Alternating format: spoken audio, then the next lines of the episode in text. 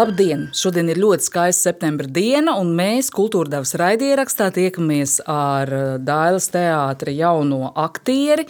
Un nu jau ne tikai dēls teātris, bet nu arī kino aktieri Kārli Arnoldu Avotu. Un es esmu LTV raidījuma kultūra deva vadītāja Henrieta Verhostīnska. Sveiks, Kārli! Čau, čau!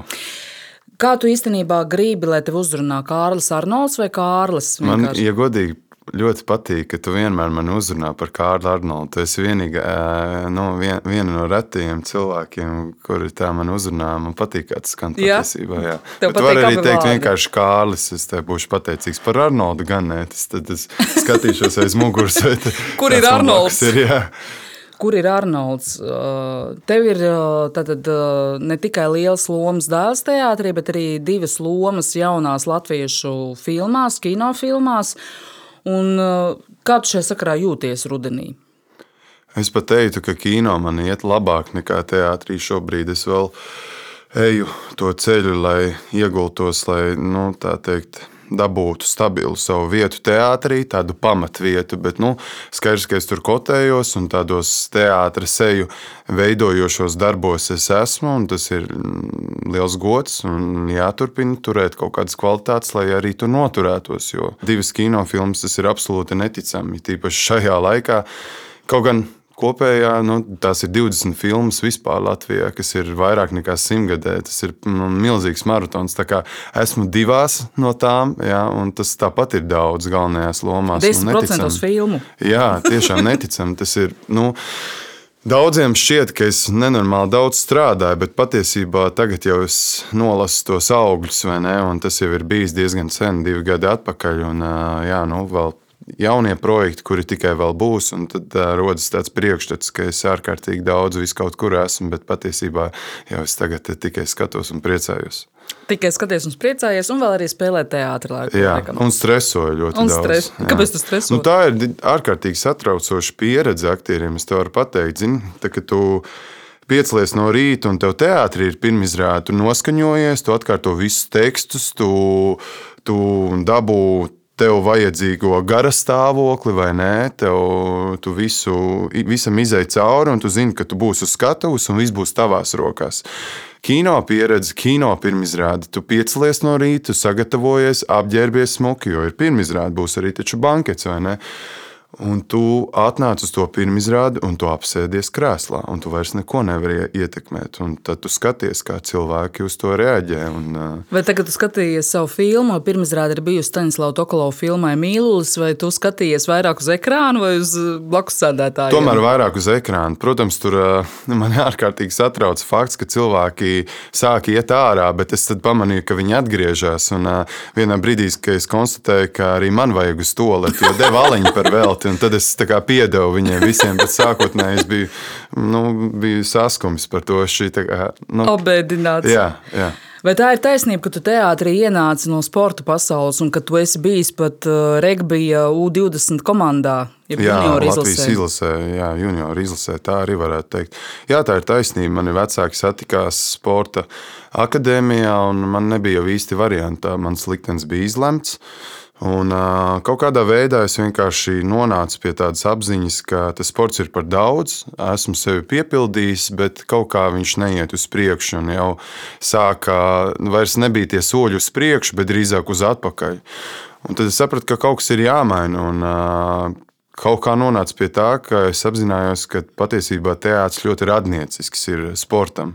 Un tad nu, nonācu šeit un turpinu savu dzīvi teātrī un kino. Ļoti interesanti. Kas ir tas radnieciskais teātrī un sportā? Mēģinājuma grafiks, protams, līdzīgi kā treniņi. Arī profesionāli sportisti trenējās divas reizes dienā, un uh, bieži vien sestdienās, svētdienās viņiem ir vai nu spēles, pārbaudas spēles, izbraukumi, mājas spēles un tam līdzīgi. Tāpat mums ir sestdienas, svētdienas vienmēr darba dienas, kad mēs spēlējam izrādes. Pārējās dienas mēs mēģinām. Tad tev ir režisors, kurš būtībā arī nu, spēlē tādu treneru lomu tavā dzīvē. Ļoti daudz atkarīgs no kā izveidosies tavs liktenis no režisora. Viņš var tevi pazudināt, un viņš var tevi pacelt nebijušos augstumos, iedot tev nu, lielu lomu uz laukumu. Tāpat ir arī sportā. Tā tās ir tādas divas pamatlietas, kuras dublējās. Vai kino arī ir kaut kāda līdzība ar sportu?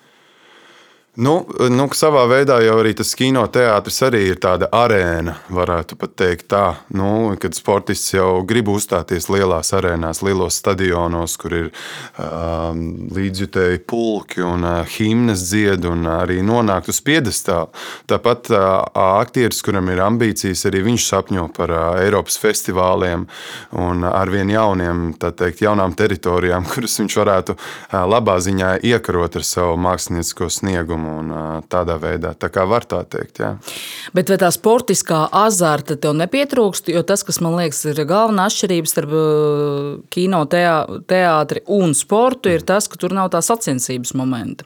Tomēr ir lielajos kristapos un vai spēlmeņu naktī. Nav jau runa tikai par nominācijām, ir runa arī par iekšējo klimatu teātrī. Jo tāpat vienmēr būs kāds jaunais aktieris, kas tev elpo pakausi, lai arī cik ir 26 gadi. Tieši tā, bet paskaties, ir jauni jauni kursi, ir Senkova kurs, ir uh, ārkārtīgi daudz, tomēr arī kuri vēl nav teātrī, bet kuri varbūt nonāks teātrī. Un, uh, nu, es arī par to domāju, un arī skaidrs, ka es manī tas sacensību gars eh, dzīvo, un manuprāt, viņam ir jādzīvo, jo tas dod tādu iekšēju motivāciju arī teātrī. Nu, tev ir aktieri, kuri ir daudz izdarījuši. Tev ir tāds Dainis Grūba, piemēram, kurš no nu, savu vietu nopelnīja un bija skatītāji iemīļots un eh, ļoti spēcīgs aktieris teātrī. Tad viņš ir uzlicis arī kaut kādu latiņu. Tāpat Artūrs un vispārējie lielie mūsu teātra aktieri un arī citos teātros arī tomēr ir daudz jaunu aktieru un kaut kā kā jau notiek tas, saspī, tas saspīlējums, un tās pozīcijas mainās.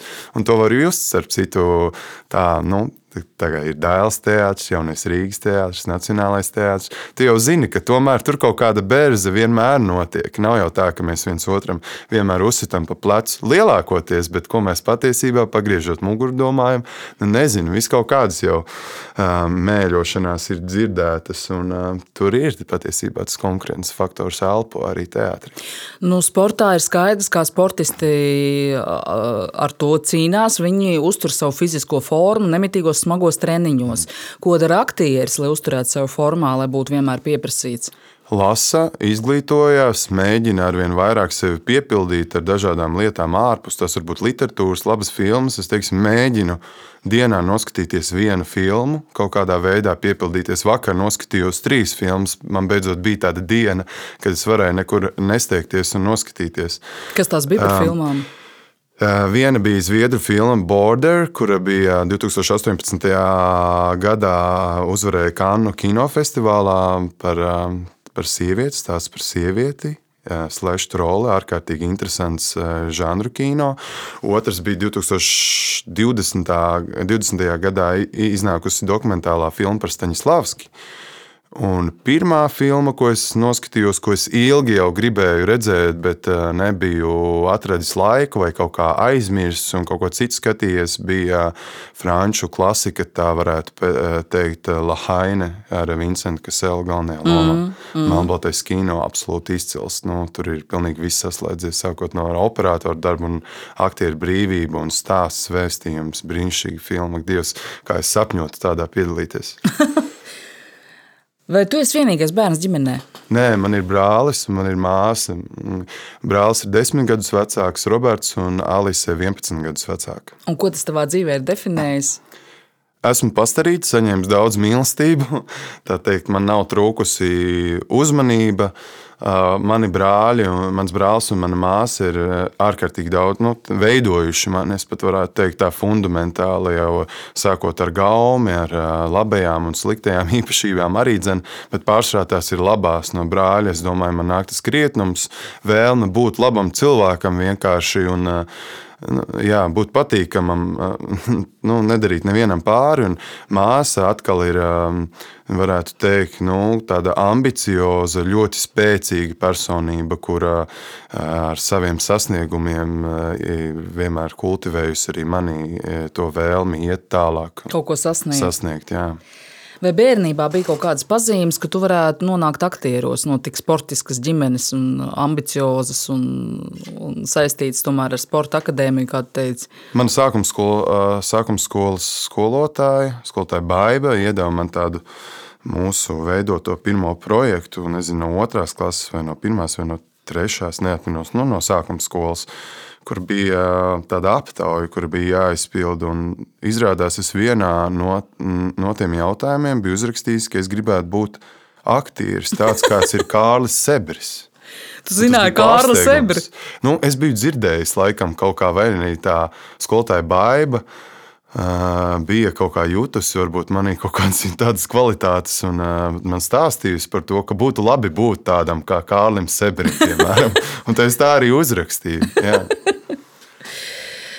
Tikko pirmizrāde tātad ir piedzīvojusi Staņdārzs Tokolo filmu Mīlulis ar tevi titulomā, un novembrī pirmizrāde jau ļoti, manuprāt, nozīmīgai viestura kairišu filmai Janvārs.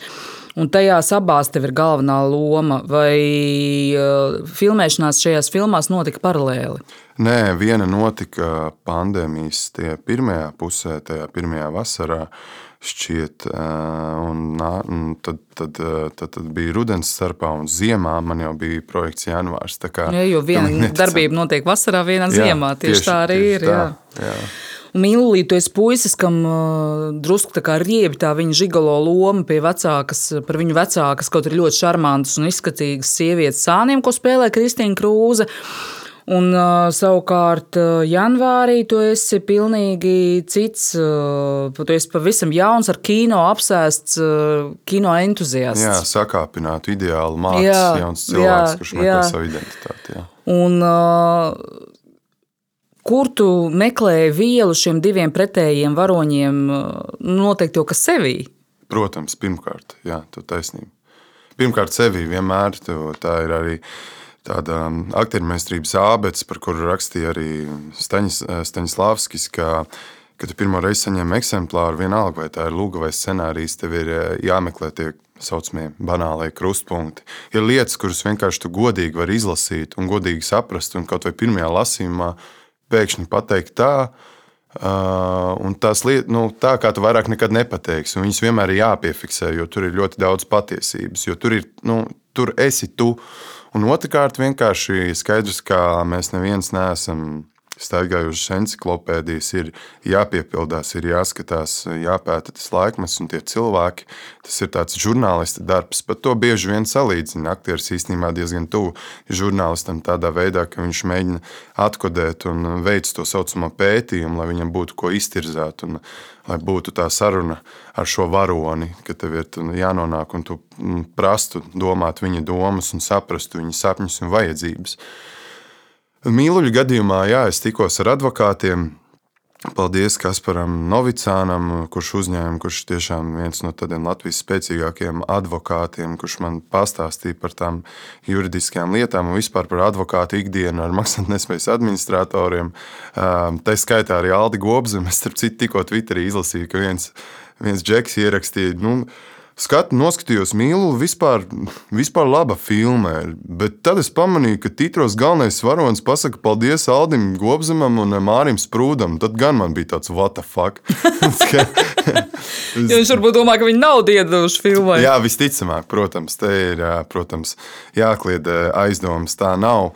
Ar Aldi satikos vienreiz kafejnīcā un pārunāju tieši tās lietas, kas saista maksātnespējas administrāciju un tiesu izpildītāju un juristu darbu. Un Māris Prūdi, pie, pie, ar Māris Prūdi man pat tāda konkrēta tikšanās reize sarunāta nebija. Es viņam vienreiz piezvanīju, viņš man pasūtīja trīs mājas tālāk. Viņš domāja, ka kārtas kaimiņš ir iedevis man viņa telefonu numuru. Tā nebija, bet viņš uzreiz nometa klausuli, pat nepieņēma man atbildi. Pateica, ka mēs neesam spējīgi vispār neko tādu uzfilmēt par maksātnespējas administrāciju, ka tur tomēr jābūt ļoti rafinētam cilvēkam un tā tālāk. Un tad es viņu pamanīju uz ielas, un es uzdrošinājos un piegāju viņam pa taisno klāt.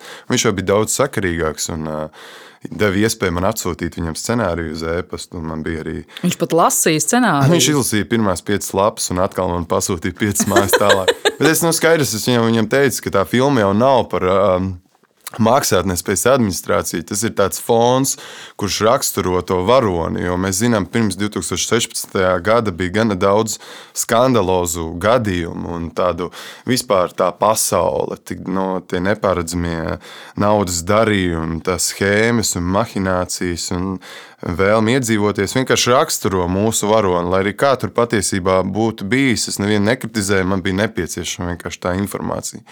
Un tad viņš atsūtīja ļoti vērtīgu īziņu, par to es esmu viņam ļoti pateicīgs.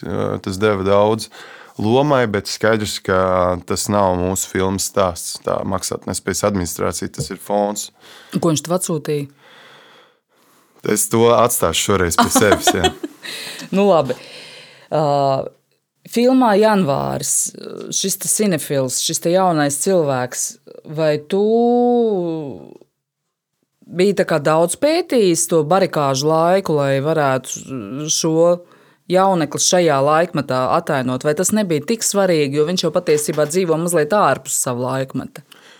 Tieši tā, nu, viņam nav tāda patriotiska attieksme pret tiem notikumiem, kā jau jauniem cilvēkiem tajā brīdī. Varbūt tev bija, jo es redzēju tavu bildi, Jā, kuras smērēja maizītes barikādēs, jā, kā vidusskolnieks. Tad es tev varu paprasīt, vai tev bija tā apziņa, cik tev bija tad gadi kā vidusskolnieks? 17. 17. Kad tev bija tad? Nu, tev bija skaidra apziņa, tev bija tas, tas pienesums. Tas... Man bija diezgan skaidra apziņa. Es to darīju par spīti saviem vecākiem, jo viņi man negribēja laist uz turieni. Es tomēr aizgāju un diennakti pavadīju tajā domu laukumā. Bet es atceros divas epizodes, kas manu skeptiskos prā, prātu mazliet no tā patriotiskā patos izsita.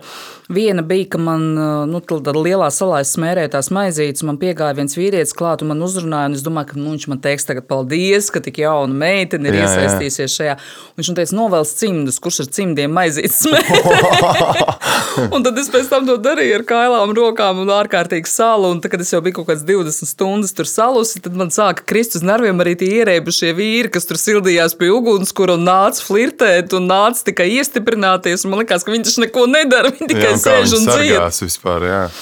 Bet, eh, bet, protams, ka tajā brīdī es neapzinājos to, ka mēs visi, un visvairāk šie vīrieši, vienalga jaunie vai netik jaunie, riskē reāli savām dzīvībām. Jā, kas varēja notikt patiesībā. Jo tas tā varēja būt. Jā. Kā paveicās. Viņi noteikti to apzinājās. Nu, līdzīgi arī mūsu varonis Jāzis, vai ne? Viņam arī par spīti vecākiem bez mazliet, un citu nolūku, citu vajadzību dēļ. Jo, nu, viņš to redz kā balīti, kā kaut kāds nebijis notikums, kā iespēja kaut ko nofilmēt. dokumentēt, nofilmēt. Jā, bet nu, mākslin, mākslinieckās kā, vajadzības dēļ, nevis tur tā, lai redzētu rietumi un tā tālāk. Pavisam citi motīvi. Un tādā ziņā man patīk. Un es domāju, daudziem būs, daudz varēs nu, asociēt sevi ar, ar tie, kas bija tajā vecumā, jo tā ir diezgan nu, spēcīga tā līdzība un tā attieksme pret tām barikādēm. Tāpat arī varonis. Nu, jā, es, protams, runājot par to, ko es darīju. Es noskatījos visu iespējamo principā, materiālu par, par barikādēm, un arī viesturs sūtīja.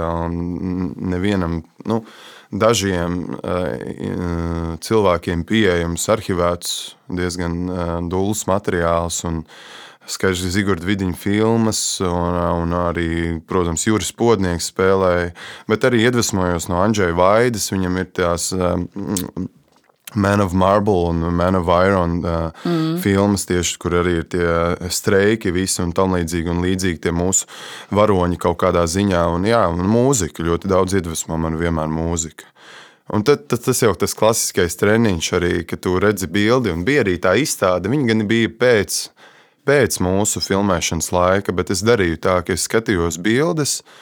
Un es mēģināju ar iztēli sajust to ugunskura, tā kā tās sarunas apmēram to nu, pietuvoties. Kā, kaut kas šamanisks tajā ir, bet es ļoti daudz dodu, jo tu vienkārši tā patiesība jau vienmēr slēpjas detaļās. Un, jā, jā, tur arī tāda krāšņa saspēle ar Laura Dzelzīša šamanisko varoni, kā tu, kā tu varētu teikt. Un, un, tu redzēji to filmu? Jā, à, forši. Es viņas noskatījusies, jā, tā ir. Nu, kā tu viņu vērtētu?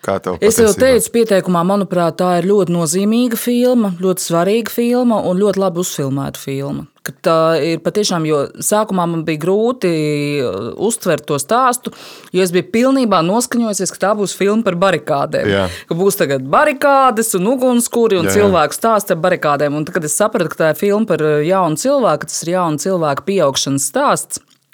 Un, uh, Un pie tam cilvēki, kurš nebūtu nav iesaistīts šajos notikumos, vismaz ne, ne pilnā mērā un ne brīvprātīgi, tad, uh, tad, tad man sāka pielikt, par ko šī filma ir. Tad es tai varēju pilnībā atdoties. Es domāju, ka tas ir viesturam ļoti izdevies darbs, iespējams, pat kino labākais. Ko viņš ir radījis, un, un tā noskaņa. Jā, un arī tas, kā bija šis te, es neatceros viņam uzvārdu, tas ārzemju operators. Loideks Stārons. Jā, jā, kā viņš bija nofilmējis, tas arī bija lieliski. Viņš vispār ir izcilnieks. Viņš man, man ir, protams, jāatzīmē, ka esmu baigais veiksminieks. Tādā ziņā, ka esmu nonācis starp spēcīgām komandām un, un ļoti spēcīgiem cilvēkiem. Oļegs Mutu un Vojteks Stārons ir, nu, ir augstākā latiņa. Un Vojteka gadījumā viņš ir arī kino pedagogs Varšavā. Un viņš ir arī ne tikai operators, bet arī režisors. Un viņa nākamā filma, kura ja nemaldos, tika filmēta Indonēzijā ar nosaukumu autobiogrāfija. Pēc uzreiz pēc Trēbekas filmu festivāla plūca Laurus. Nu, bija Vene, izvēlēta Venecijas kinofestivālam, mm. tur piedzīvoja pirmizrādi. Viņš ļoti spēcīgs. Viņš ārkārtīgi lielu nospiedumu uz manu kino eksistenci kameras priekšā arī ir atstājis. Jo, ja viesturam ir tāda tendence, viņš kā režisors ir ļoti pateicīgs aktierim, jo viņš parāda tos punktus, kur ir jābūt. Bet viņš ir ekspresīvs, viņš ir nu, viņš universāls. Viņš, un tev ir baigi tomēr jāprot saprast tas līmenis, lai neaizietu tādā veidā overdoingā vai overactingā, tad Vojtiks vienmēr bija tā patiesības acis, kura turēja to patiesības līmeni un teica, Kārlis, tev ir viss acīs, es redzu, Uh, paturi to, ja nevajag vairāk. Ir labi, viss ir acīs. Nevajag vaikstīties un vaipstīties. Jā, nē, nav nepieciešams. Es visu redzu tavās acīs. Viņš bija tas, kurš to nepārtraukti atgādināja. Un, uh, viesturs, protams, fantastisks. Bez viņa, paldies, ka viņš man deva tādu iespēju, jā, jo viņš jau zināja, ka man tikko bija nofilmēta viena filma. Skaidrs, ka vienmēr režisori grib atrast to tīradni galvenajai lomai, jo, ja nav galvenā, uh, nav gal, galvenā varoņa, nav filmas, tā tas ir. Uh, un, uh, vienmēr ļoti daudz ir atkarīgs tieši no, no, no, no galvenā varoņa. Viņš deva tādu iespēju un riskēja, un cik labi, ka tā ir sanācis. Cik labi, ka riskēja ar tevi tieši, Jā. nevis ar kādu citu. Uh, Kurš no šiem varoņiem, mīlulī vai janvārī, ir pēc savas, savas satvara un pēc sava rakstura? Jo viens ir diezgan ekstraverts, es domāju, mīlulī un, un, un tāds neapvaldīts, kamēr, kamēr jauneklis janvārī ir vairāk introverts un viņam ir grūti dažbrīd iejusties tur tajos bohēmiskajos tusiņos. Mm. Kurš ir vairāk līdzīgs tev? Es kaut kur esmu starp abiem, es domāju. Jo būtībā jau tas mani paņēma tāpēc, ka viņš redzēja manī tās mīluļu kvalitātes. Ka, man jāsaka, paldies Ditai Lūriņai. Kādā kur... ziņā, ka tu esi garš un izskatīgs? Nē, ne tikai tāpēc, bet uh, es tur prātu pateikt, ko vajag pateikt. Jau pirms ainas viņu kaut kā mēģināju nošarmēt ar to, ka es būtu tas cilvēks, kur viņam vajadzētu tai lomai. Uh, Un, bet es būtībā vairāk sevi izjūtu kā tādu piezemētu un kautrīgu, vairāk iekšēju cilvēku, līdzīgi kā Jāzis. Tā kā es kaut kur jūtu sevi kā starp viņiem abiem. Films, kā janvārs films. Jā, jā, jā. jā. Jā, kaut arī eh, es citu saskatīju mīlīgu līdzību ar vienu tavu teātra lomu, ar to viltīgo manipulātoru izrādē spēles ar jūliju. Man liekas, ka jā. tie ir tādi drusku līdzīgi. Tipāži. Nu, kaut kādā mērā, jā, nu, jā, nu, daudziem mīluļu kontekstā liekas, ka tur ir nu, absolūts seksisms un un nekorekti, kā nu, sievietes loma vispār tajā filmā. Tad es gribu pateikt, ka tāds ir tas varonis. Nu, tas tā, ir komentārs. Tas ir tas varonis, tā mēs jau... varam uz to skatīties, bet neviens taisot filmu nedomā par šīm sociālajām, sociālpolitiskajām nu, normām. Ja, ne? Tā, tā kā huligānam jāizpārd viņus, un ja tas ir tas varonis, tad mēs ejam to ceļu. Es varu teikt, ka es esmu ļoti jūtīga uz šādām lietām, jo es esmu feminists. Tā es esmu postulējusi un, un vienmēr pamanu šādas lietas, bet es tās vairāk redzu kaut kādus kino vecmeistaru filmās, kur sievietes vienmēr ir vīriešu pavadonis un, un kaut kādā ziņā viņu katalizatori vai, vai, vai impulsu avots, Jā, bet, bet, bet ne galvenās varonis patiesībā. Un, Un šajā filmā tas tā nebija. Tā bija tiešām šī jaunā vīrieša vienkārši attieksme pret šīm sievietēm. Un, un man liekas, arī ļoti veiksmīgi bija parādīts tas, kādas ir viņa seksuālās attiecības ar šo sievieti, ar kuru viņš dzīvo kopā, un ar to jauno meiteni, kur viņš piedošana drāž ik pa laikam. Mm. Tas jau arī pasaka par viņu kā par cilvēku kaut ko. Tieši tā, un galu galā mūsu varoni veido sievietes. Tā, tas ir viņš, tāpēc ka sievietes, nu, viņš ir ļoti atkarīgs un runājot. Nu, Paula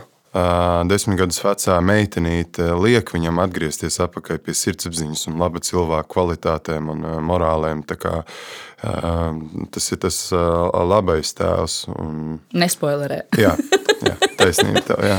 Spoilerēt nedrīkst.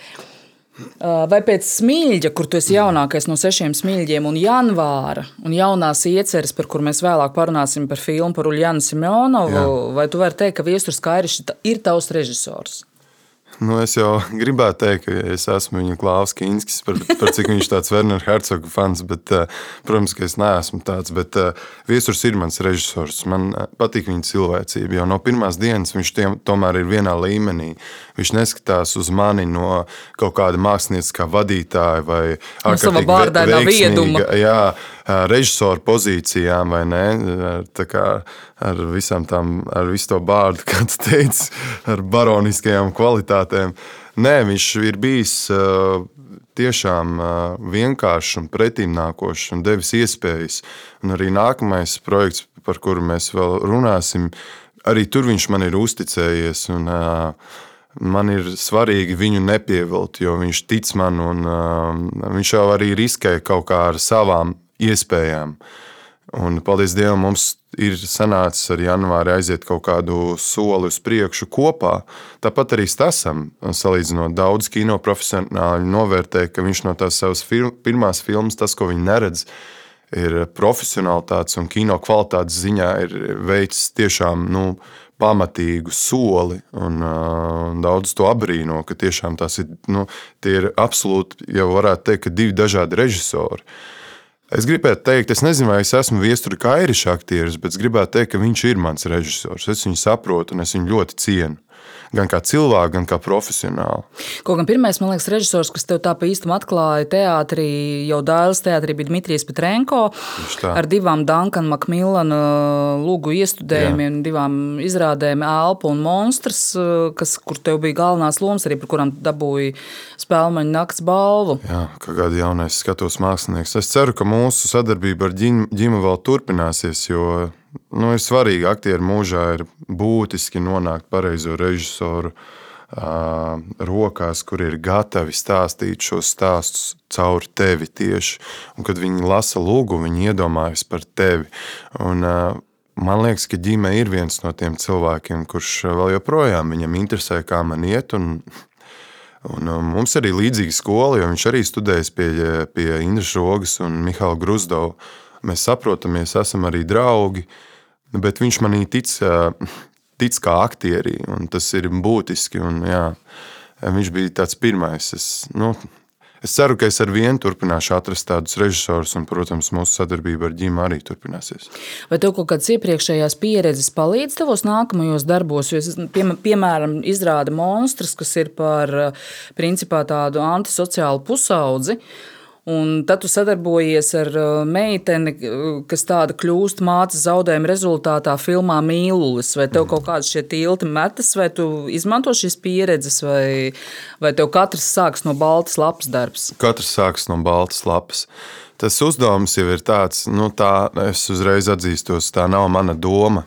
Kaut kur es viņu esmu piesavinājies. Bet tas aktieru uzdevums ir tāds, ka tu esi lai tā aktieru mūža beigās tu varētu ieiet vienā telpā, un tur viss sēž tie tavi varoņi, ko tu esi, ar, nu, kurus tu esi izveidojis. Viņi kā tēli sēž kā varoņi. Viņiem nav savā starpā nekā kopīga, viņiem nav par ko runāt, viņiem nav nu, kopīgu interešu, un uh, viņiem nav savā starpā ko dalīt.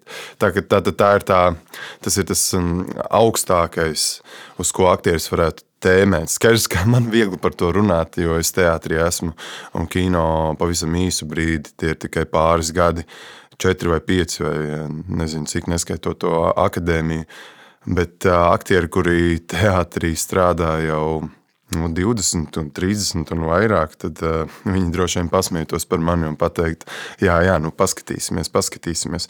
Bet katrs darbs sākas no balts lapas. Tur, tur, tur ir taisnība arī skatoties uz pieredzes bagātajiem aktieriem, kā uz Artūru Krastīnu, kurš tomēr uh, kā, tiešām kā students pieiet ar šaubām un katru reizi no jauna meklē. Un, Tas ir kompliments kā students ar milzīgu atbildību. Tas nav kārtējs darbs, tas ir vienīgais darbs. Un to es mm, regulāri katru reizi novēroju Dēls teātrī, skatoties uz ģirtu, ķēsteri, skatoties uz Ilzi Čuzulas krastiņu, skatoties uz Ievu Segliņu, uz, uz daudziem un daudziem, ka viņi pieiet šim darbam kā vienīgajam, un tas ir jāsaglabā, to nedrīkst pazaudēt. Bet vai tas nav dažbrīd mokoši, jo tas tev vienmēr sēj tādu nepārliecinātību. Tu, tu nevari paļauties uz rutīnu, uz iestrādātiem paņēmieniem, uz, uz, uz, uz kaut ko. Tev, tev vienmēr ir satraukums, vienmēr ir bailes pirmo reizi, vai tas nav kaut kur destruktīvi attiecībā pret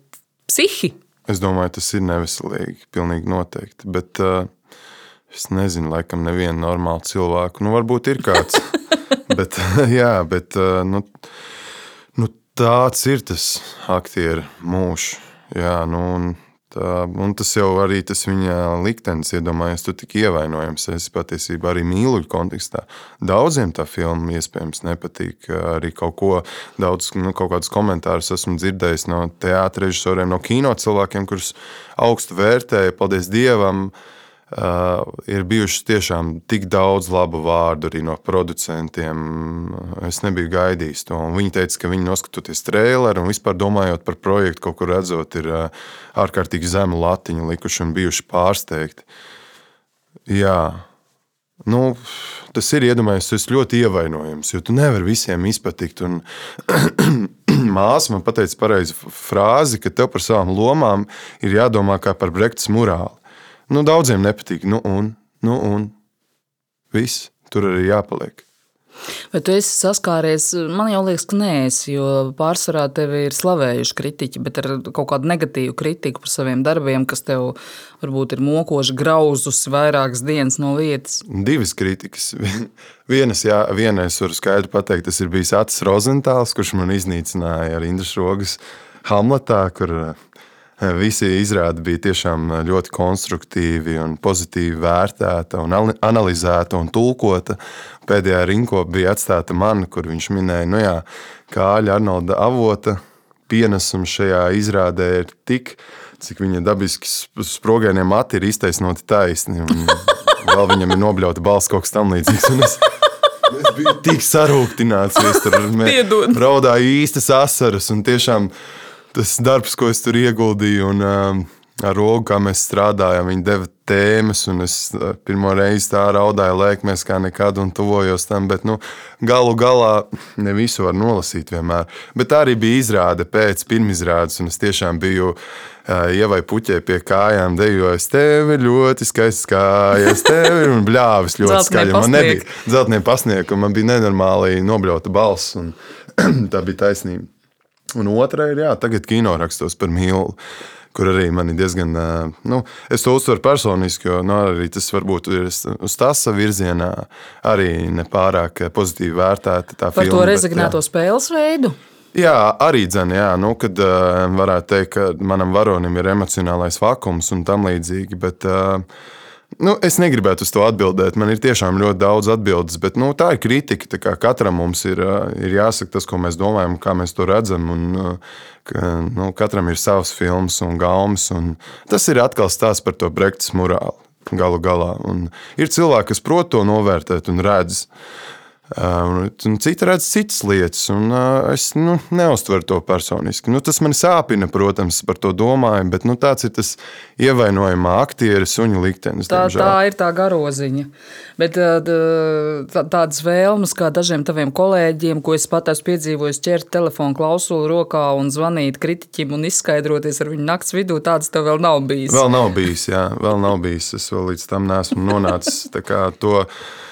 Fizisko, agresīvo daļu, kāds es varbūt agrāk biju, kad nācu no tās regbija vidas un no laukiem. Esmu, esmu veiksmīgi nolicis malā, bet agrāk man tiešām bet patīk. Kādā lomā to tā var noderēt? Jā, un es gribu atgādināt, ka agresīvais un rūpīgais Kārlis nekur nav pazudis. Viņš vēl joprojām ir manī. Tāpēc nedomājiet, ka es esmu tāds pūkains un jauks lācis. Es varu būt arī patieš, pat, patiešām nepatīkams. Tad šeit vajadzētu Ivar, saku savam skaņu režisoram, ielikt tādu brīdinošo zvanu.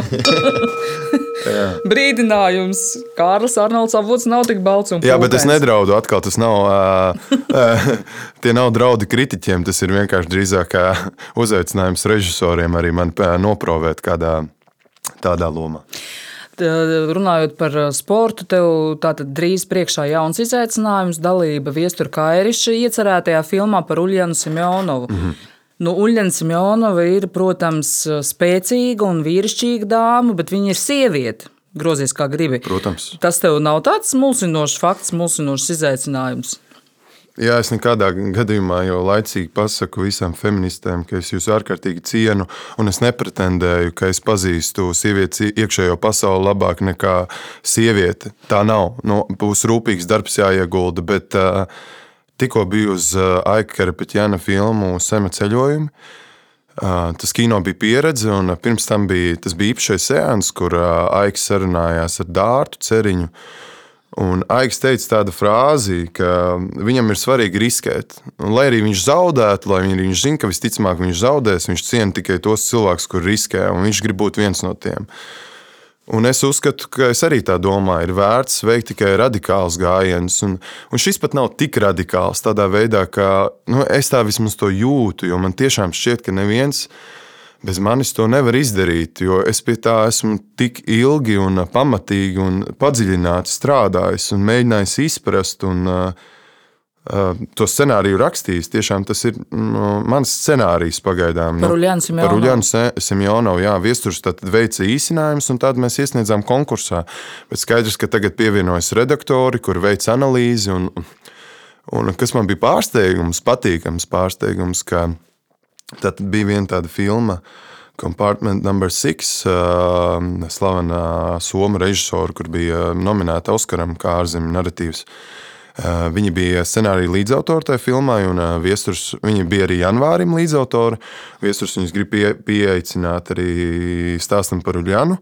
Viņi izlasīja to scenāriju, viņiem, viņi, viņi, viņi bija patīkami pārsteigti. Viņi noskatījās janvāri, viņi teica daudz atzinīgus vārdus par filmu.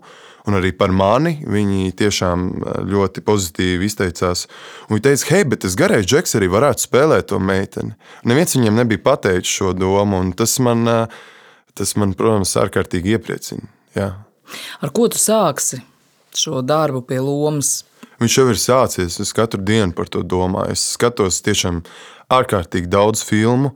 Un tiekos ar cilvēkiem. Es jau man ir pilni Excel tabulas. Par basketbolu?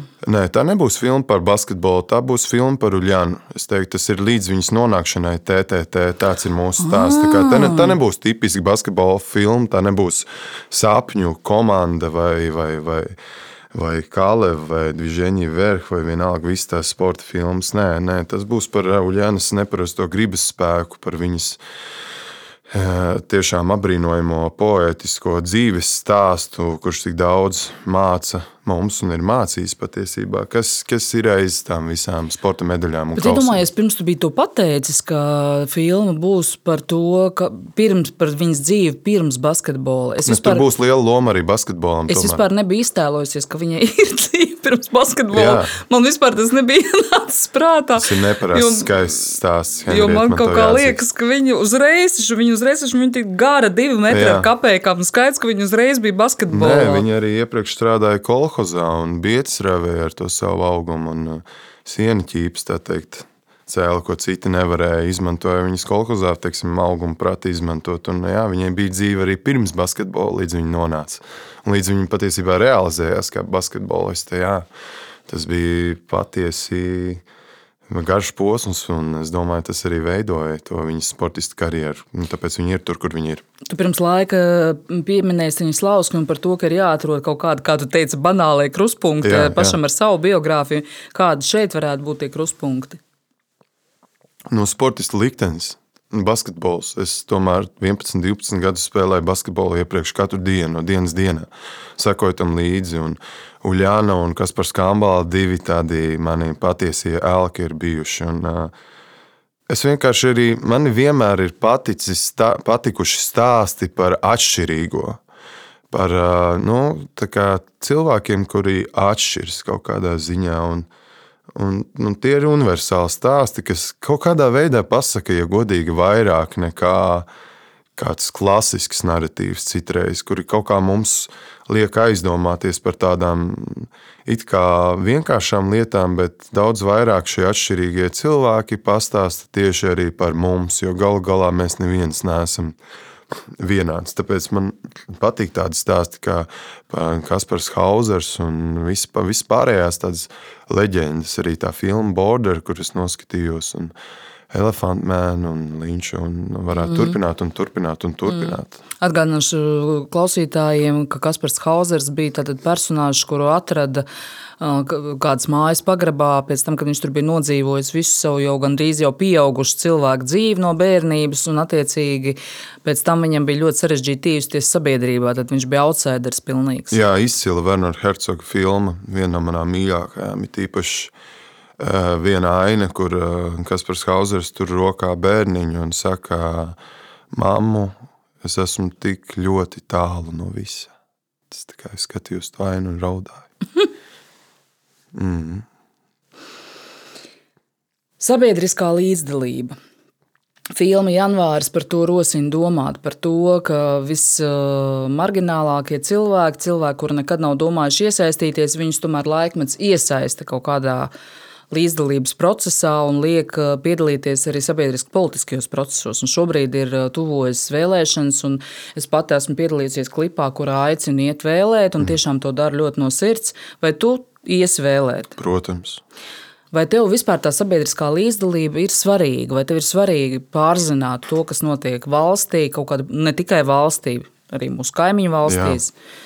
Visi šie procesi. Aktieris nedrīkst eh, būt sociāli, sociāli politiski atpalicis. Viņam ir kaut kādā mērā jāzina notikumu pasaulē un Latvijā. Viņam ir jāpazīst cilvēks sev blakus un kas viņu uztrauc, par ko viņš domā. Viņam ir jāskatās arī kritiski uz daudzām lietām. Un eh, arī Grusdovs mums ir mācījis, ka īsts patriots nav tas, kurš noliek svecīti kādā no nozīmīgiem valsts datumiem, bet kuram ir kauns par savu valsti bieži vien. Un, uh, es esmu kaut kur pa vidu, bet uh, skaidrs, ka šobrīd kā nekad iedziļinos ārpolitikas notikumos, jo tas absolūti skar arī mani un manu līdzcilvēku likteņus. Un, uh, es iešu vēlēt un aicinu arī citus, tos, citus to darīt. Un, uh, jā, Jā. Šobrīd kā tāds lakmus papīrs bieži vien attiecībās pat ar tuviem cilvēkiem ir viņu nostāja attiecīgi Putina izraisītā kara Ukrainā jautājumā. Jā. Vai tev arī ir tas, ka tev ir mainījušies viedokļi par kaut kādiem cilvēkiem dēļ šīs attieksmes? O, nu, šobrīd es daudz uzmanīgāk vērtēju cilvēkus, jā, un arī tas sākums bija, nu, draugus ieraudzīju daudz citā gaismā, kuri tiešām sapratu, ka viņiem laikam nu, smadzenēs nav ne kripatiņas, tādas daļiņas, kuras nodarbojās ar kritisko kaut kādu vērtēšanu. Un, un kaut kādu notikumu. Nu, kritisks, nu, skatīšanu, kaut kādu nu, saprāšanu, izpratni par to, kas notiek. Nu, tas man ļoti biedēja.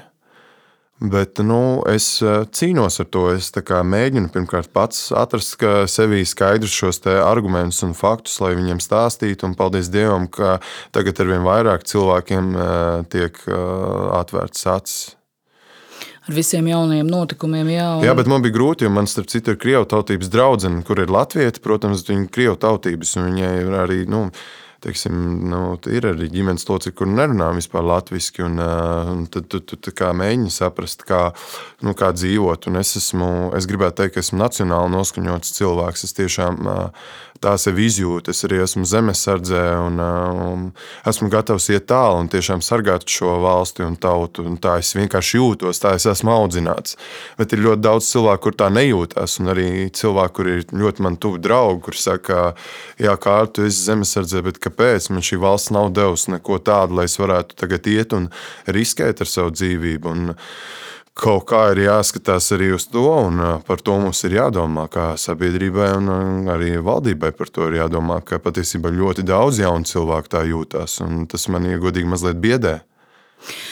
No vienas puses, jā, bet man biedē arī otrs, otra galējība, kas šobrīd ir sākusies. Proti, protams, tas, ko Krievija ir izdarījusi Ukrajinā, tas ir kaut kas prātam neaptverams un šausmīgs.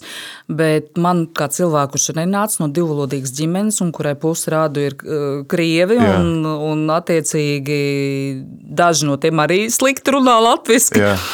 Man, protams, biedē tas, tas ka nu, šobrīd ir aktuāli izteikties, teikt, tie krievi, visi tie krievi. Nu, par krieviem runāt tādā vienā lielā masā, kā par kaut kādu lielu ļaunumu. Man tas piekrīt. arī izda, man tas dara bažīgi. Jo, redziet, es, es knapi runāju krieviski, bet uh, es visu savu bērnību uzaugu starp krievu latviešiem. Man draugi iemācījās runāt latviešu, un visi ar mani runāja latviešu, un es uh, muļķis neiemācījos krieviski runāt, kamēr viņi iemācījās perfekti runāt latviešu.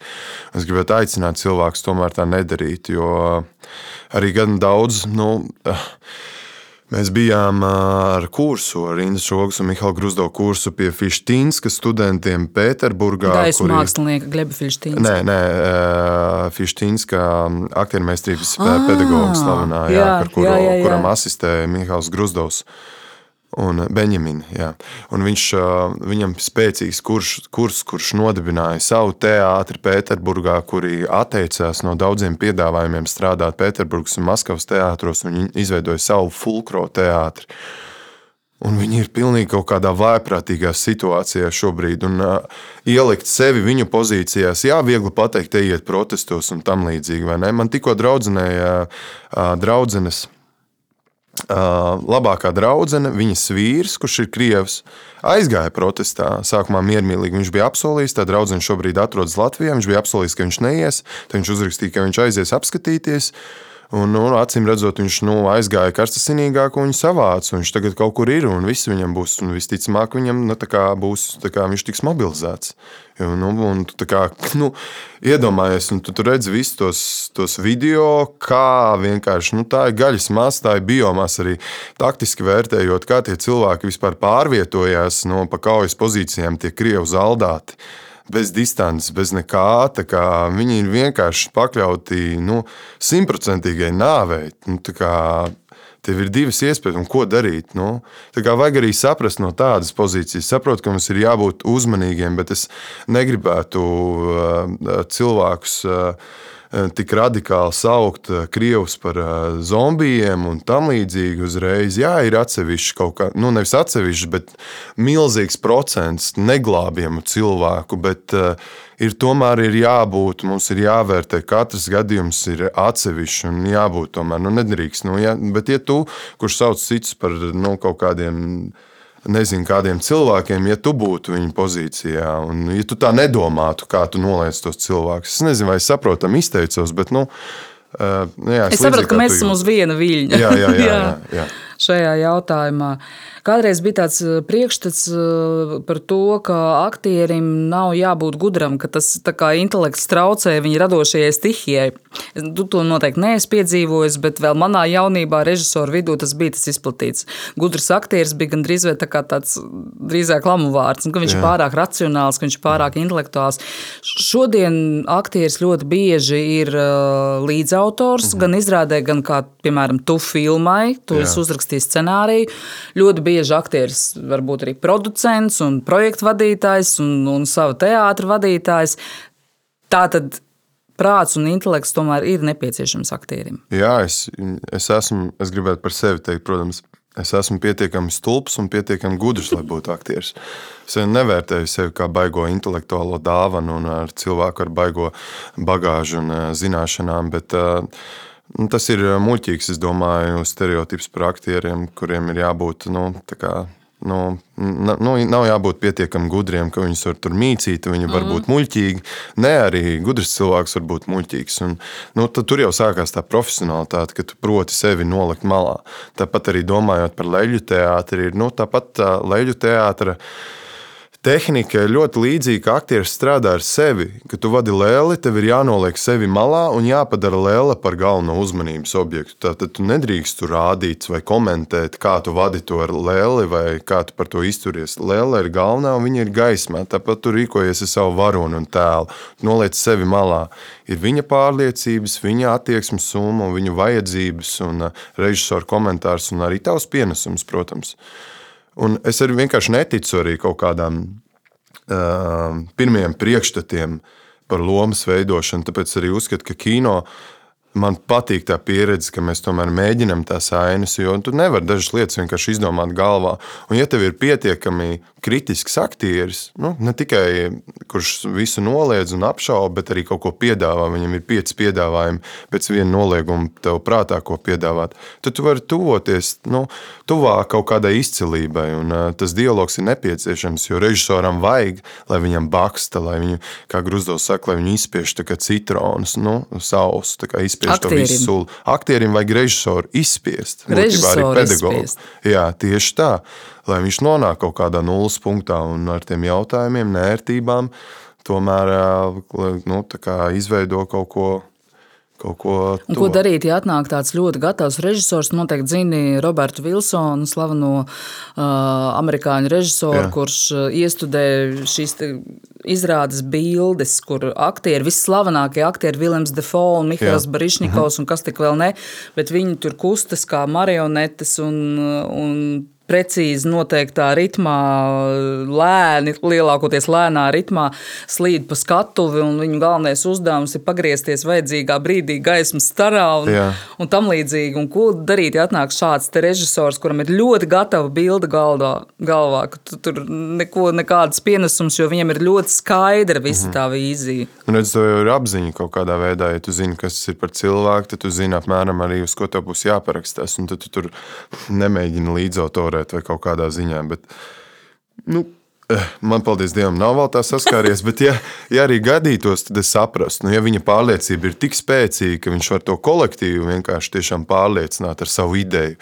Un ka viņam ir kā, teiksim, Regnāram Vaivaram, tas arī ir vienkārši fenomens režisors, kurš atnāk, Eh, uz pirmo mēģinājumu, un viņam ir kladīte, un tajā kladītē ir visi izrādi, uzrakstīti no A līdz Z. Viņš ir pārdomājis visu, kurā brīdī kas tehniskais aktieris pagriežās, bam, bam, bam, kas uzbrauc. Viņi ir visi no A līdz Z. Nu, tas cilvēks ir daudz tālāk. Viņš tā ir dzīvojis ar to domu, divus, trīs, pat četrus gadus. Jā, viņš ir. Tad, tad tev ir jānonāk sākumā līdz viņa līmenim, un tad, kad jūs esat vienā līmenī, nu, tad tu vari ar viņu pakosties. Bet nu, jābūt fleksiblam. Jā, nu, tādā gadījumā nu, man nav tādas pieredzes vēl bijis. Jā. Uh. Gan jau vēl būs.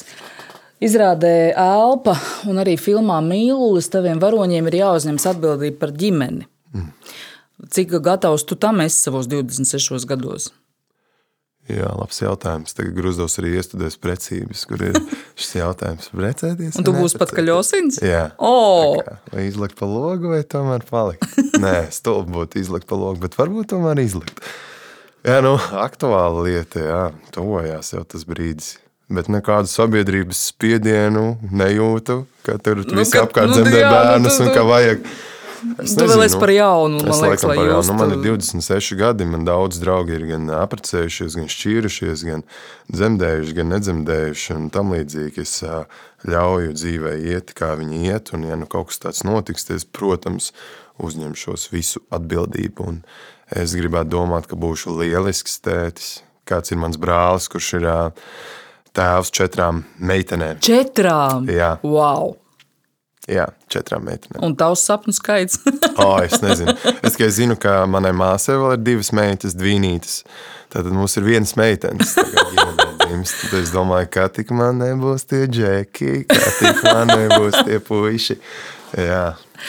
Nu, paldies, paldies, Kārli, par šo sarunu. Paldies, ka atradi laiku savā tomēr noslodzē lielajā starp pirmizrādēm un mēģinājumiem un teātris izrādēm atnākt uz mūsu podkāstu. Šis bija raidieraksts Kultūra deva kopā ar Dailas teātru un kino aktieru Kārli Arnoldu Avotu un mani, kultūra devas vadītāju Henrietu Verhaustīnsku. Atgādinu, ka tiekamies arī raidījumā Kultūra deva ik svētdien, plūksteni piecos Latvijas televīzijas pirmajā kanālā kanālā vai replē.clv. Savukārt nākamajā kultūrdevas podkāstā tiksimies jau pēc divām nedēļām. Atā! Atā.